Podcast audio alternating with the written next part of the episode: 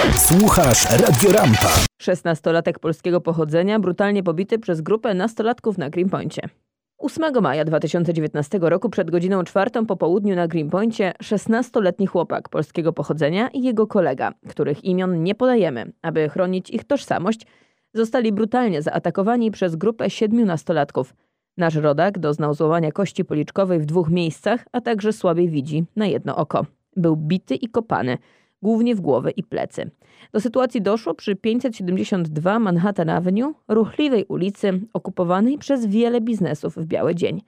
Sytuacja mogła zakończyć się tragicznie – jednak w porę zareagował dobry Samarytanin, który jadąc ciężarówką zatrzymał się i przestraszył atakujących. Mama chłopca Irena zdecydowała się nagłośnić sprawę po tym, jak opublikowane zostały ostatnie statystyki dotyczące wzrostu przestępczości w mieście Nowy Jork. Mieszkająca od wielu lat na Greenpointie pani Irena powiedziała, że widzi zmiany na gorsze, a szczególnie jeżeli chodzi o bezpieczeństwo. Tak opowiadała o zaistniałej sytuacji w Radio Rampa. 8 maja 2019 roku mój syn wrócił ze szkoły poturbowany, pobity, posiniaczony i zakrwawiony. Kiedy go zapytałam, co się stało, bo wyskoczyłam przestraszona, on mi powiedział, że był zaatakowany przez siedmiu napastników. Automatycznie skontaktowałam się z matką drugiego chłopca, bo tam był też i drugi chłopak, który był zaatakowany razem z moim synem i zdecydowałyśmy, że jednak trzeba zadzwonić na policję. Tego tak zostawić nie można.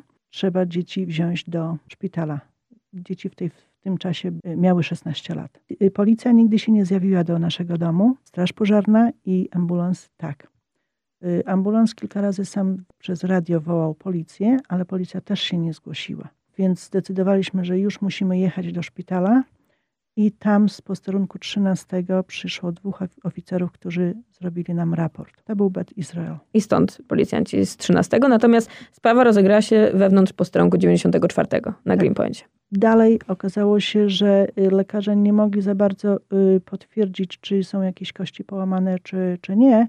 I musiałam zgodzić się na y, prześwietlenie jako niepełnoletniego dziecka ja musiałam podpisywać wszystkie dokumenty. Więc zrobiliśmy prześwietlenie i się okazało, że kości policzkowe mojego syna są pęknięte w dwóch miejscach.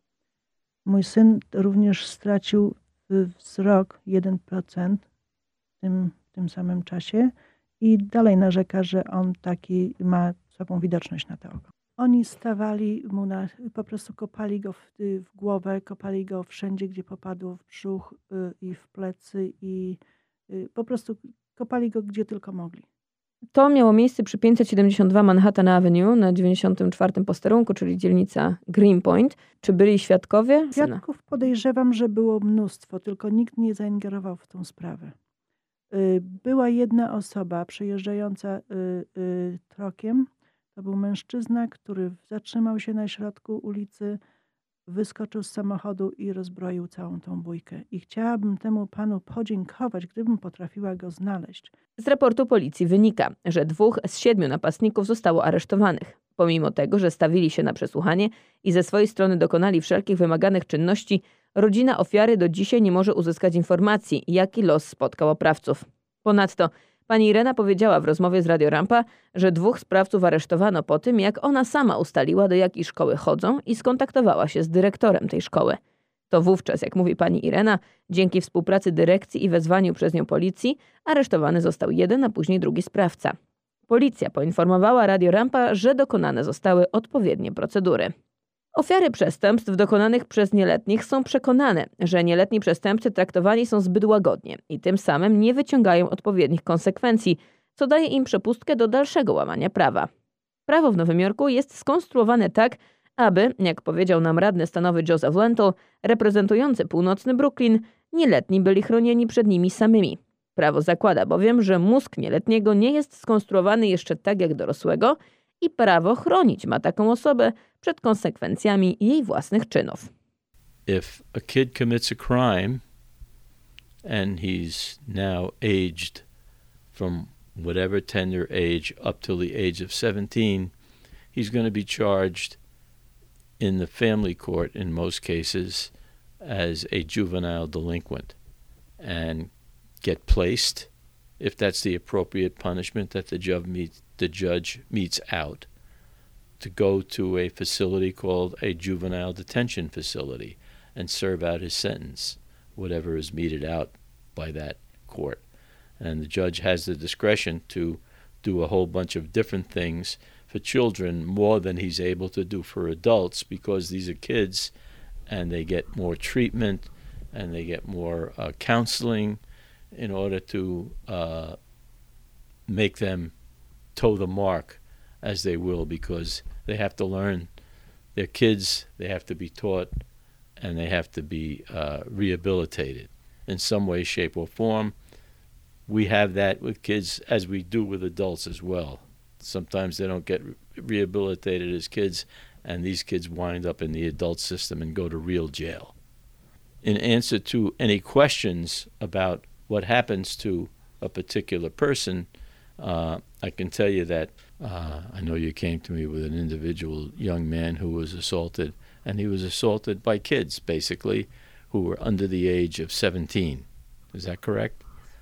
And they would always have gone to the family court.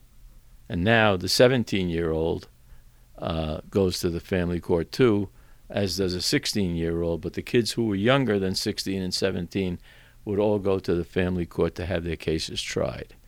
And that's true except for limited circumstances.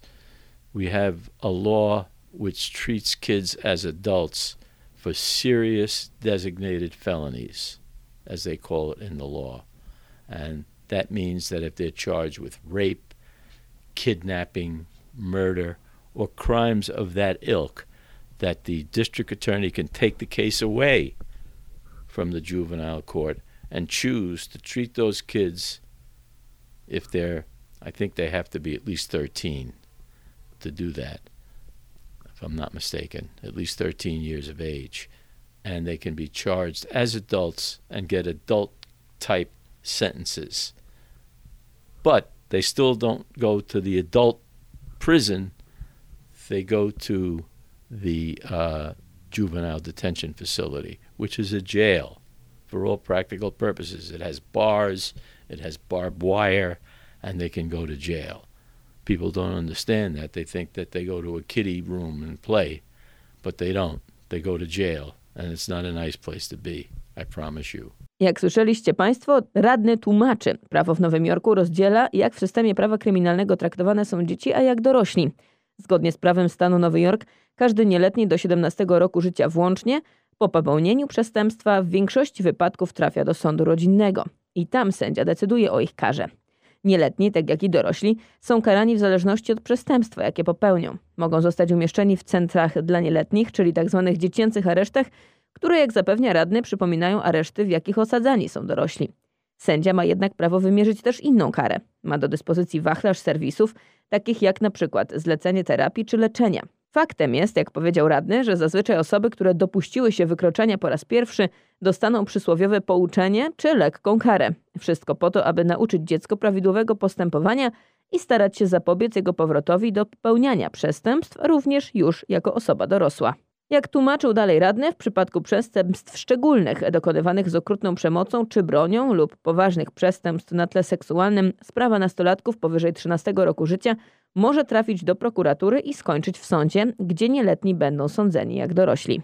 W przypadku syna pani Ireny prokuratura na Brooklynie napisała w wiadomości do Radio Rampa: Nigdy nie zajmujemy się sprawami sprawców poniżej 13 roku życia, a jeżeli sprawcy mają powyżej 13 lat, musielibyśmy mieć postawione zarzuty popełnienia morderstwa czy gwałtu z przemocą, abyśmy zatrzymali ich sprawę w swoim biurze.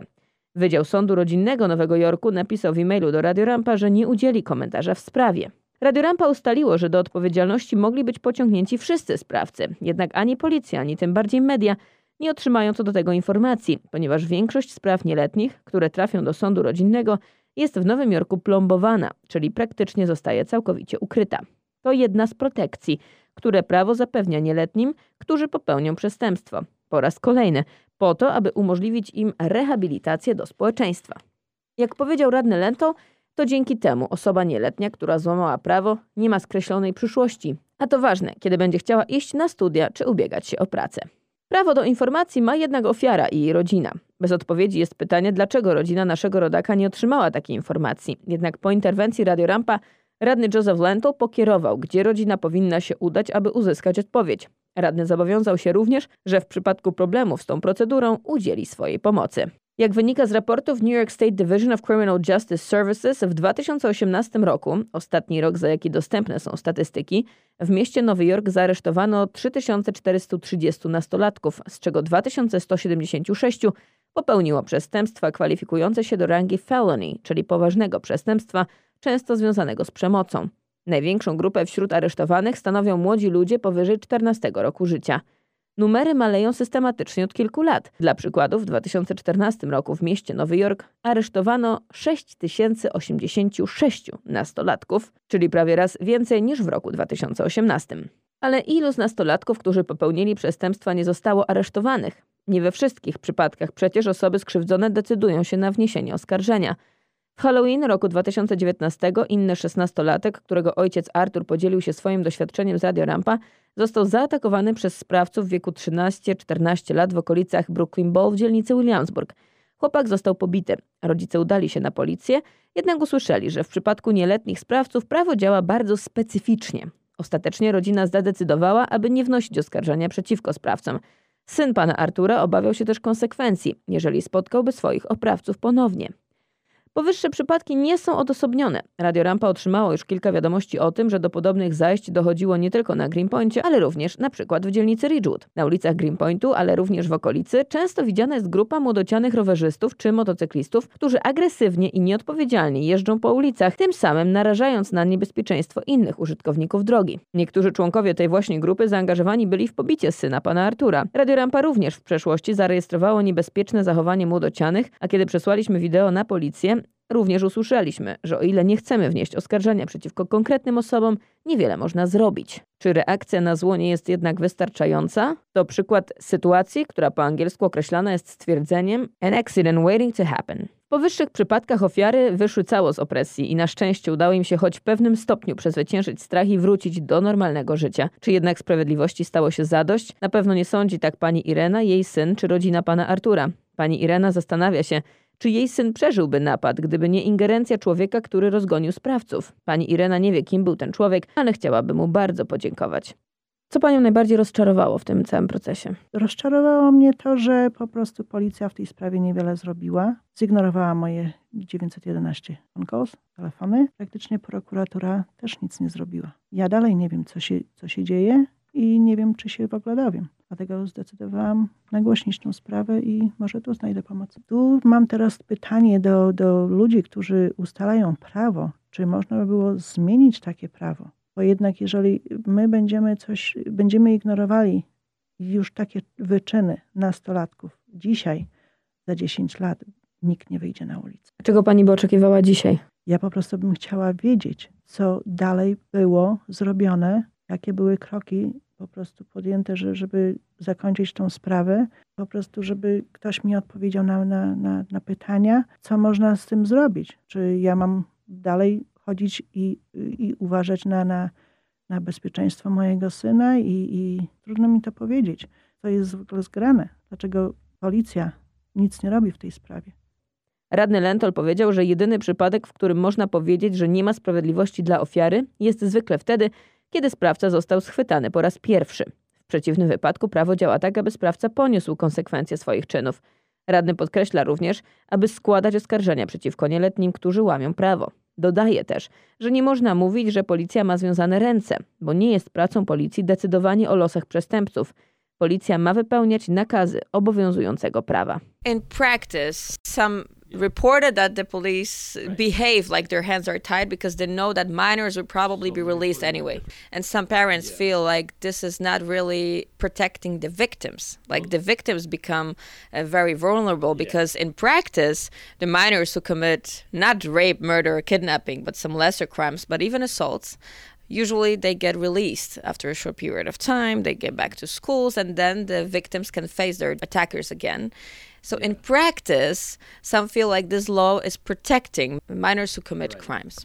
The police can only follow the law. And if the law says that these kids are of a certain age they can't go to the adult court. It's not up to them to decide that. It's up to the law to decide that, except if it's a designated felony, one of the serious types, then the district attorney of the county steps in and can charge them as a designated felon and mete out more serious adult punishment to those kids. But for the uh, lesser offenses, the uh, the system's hands are not tied. They're just certain other things that have to happen. They're not designated felons and treated as adults for the purposes of punishment. They're treated as kids for the purpose of punishment. But how are victims protected from minors who commit crimes like this? Because uh, victims get attacked by minors, and then Yeah. what's the justice for them? Well, the justice is there for the victims because the people who have lesser criminal records are the ones that usually get the slap on the wrist or what they say is no punishment or where the cops say that their hands are tied. It's usually the kids who haven't been caught yet that get get the benefit of the law in their favor. And that's also to protect all kids. It's not there to protect them. And in those cases, I guess you could say there may not be justice for the victim, but nevertheless, there is there is a balance in the law to, to again to try to protect kids from themselves by allowing them to have a certain a little bit of latitude, but once they've crossed the line, they're going to actually go to a real jail. So, can you tell also what are the resources at the end available to victims who maybe got stuck in some misinformation or they don't know where to go to follow their cases? Uh, and should they press charges? Because some are also afraid that these are young people, they will get back to school, they will beat my kid up again. so, why should I press charges against them? press charges because kids have to understand that there are consequences to their behavior. Now, it's not every kid that's going to be let go. The serious kids are going to go to jail even if it's the first time.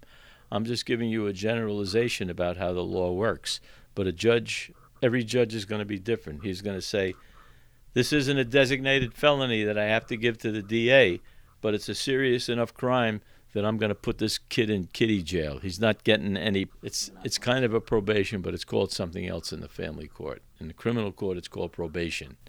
When you're a first-time offender, you usually get probation in the criminal court.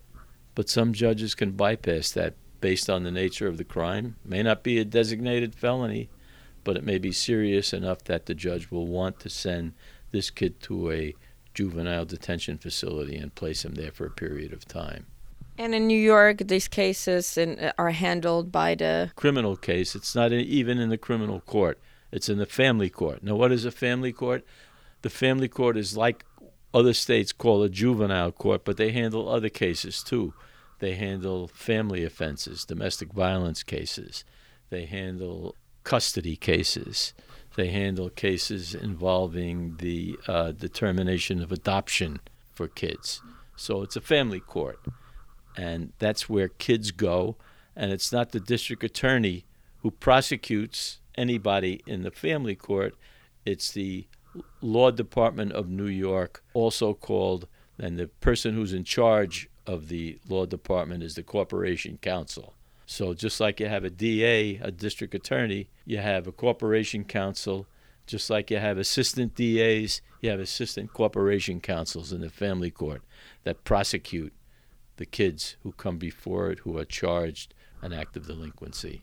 Czy młodzi czują jednak strach przed konsekwencjami i czy sprawia to, że stronią od popełniania przestępstw? W grudniu 2019 roku studentka pierwszego roku Barnard College Tessa Majors została brutalnie zamordowana w parku Morningside na Manhattanie przez grupę nastolatków. Głównym odpowiedzialnym za zadanie śmiertelnego ciosu nożem został 14-letni Rashawn Weaver, a pomagali mu jego koledzy 14-letni Luciano Lewis i 13-letni Zaire Davis. Zeznając w sądzie, Davis ze szczegółami opowiedział, jak jego koledzy zaczęli atakować studentkę, bo odmówiła oddania im swojego telefonu. Davis opowiedział, jak Louis trzymał Tessę, podczas gdy ona wołała o pomoc. To właśnie wtedy Weaver zadał jej przynajmniej cztery ciosy nożem, w tym jeden w serce. Davis przyznał, że kiedy po zabiciu dziewczyny wrócił do domu, wyszedł z psem na spacer i oglądał filmy na YouTube. Ze względu na swój wiek, Davis jest sądzony w sądzie rodzinnym na Manhattanie. Ponieważ zgodził się na zeznanie, Postawiono mu zarzuty morderstwa drugiego stopnia i napadu z kradzieżą pierwszego stopnia. I w przypadku tak poważnego oskarżenia, jeżeli ten trzynastolatek zostanie uznany winnym, grozi mu maksymalna kara, a w tym wypadku oznacza to umieszczenie w zabezpieczonym ośrodku dla młodzieży do momentu, aż skończy 18 lat. Weaver i Lewis usłyszeli zarzuty morderstwa i grabieży na wielu płaszczyznach i są sądzeni jak dorośli. Grozi im maksymalna kara pozbawienia wolności od 9 lat do dożywocia. Ten materiał znajdziecie Państwo na stronie radiorampa.com. Słuchasz Radio Rampa. What if you could have a career where the opportunities are as vast as our nation, where it's not about mission statements, but a shared mission? At U.S. Customs and Border Protection, we go beyond to protect more than borders from ship to shore, air to ground. Cities to local communities, CBP agents and officers are keeping people safe. Join U.S. Customs and Border Protection and go beyond for something far greater than yourself. Learn more at cbp.gov/careers.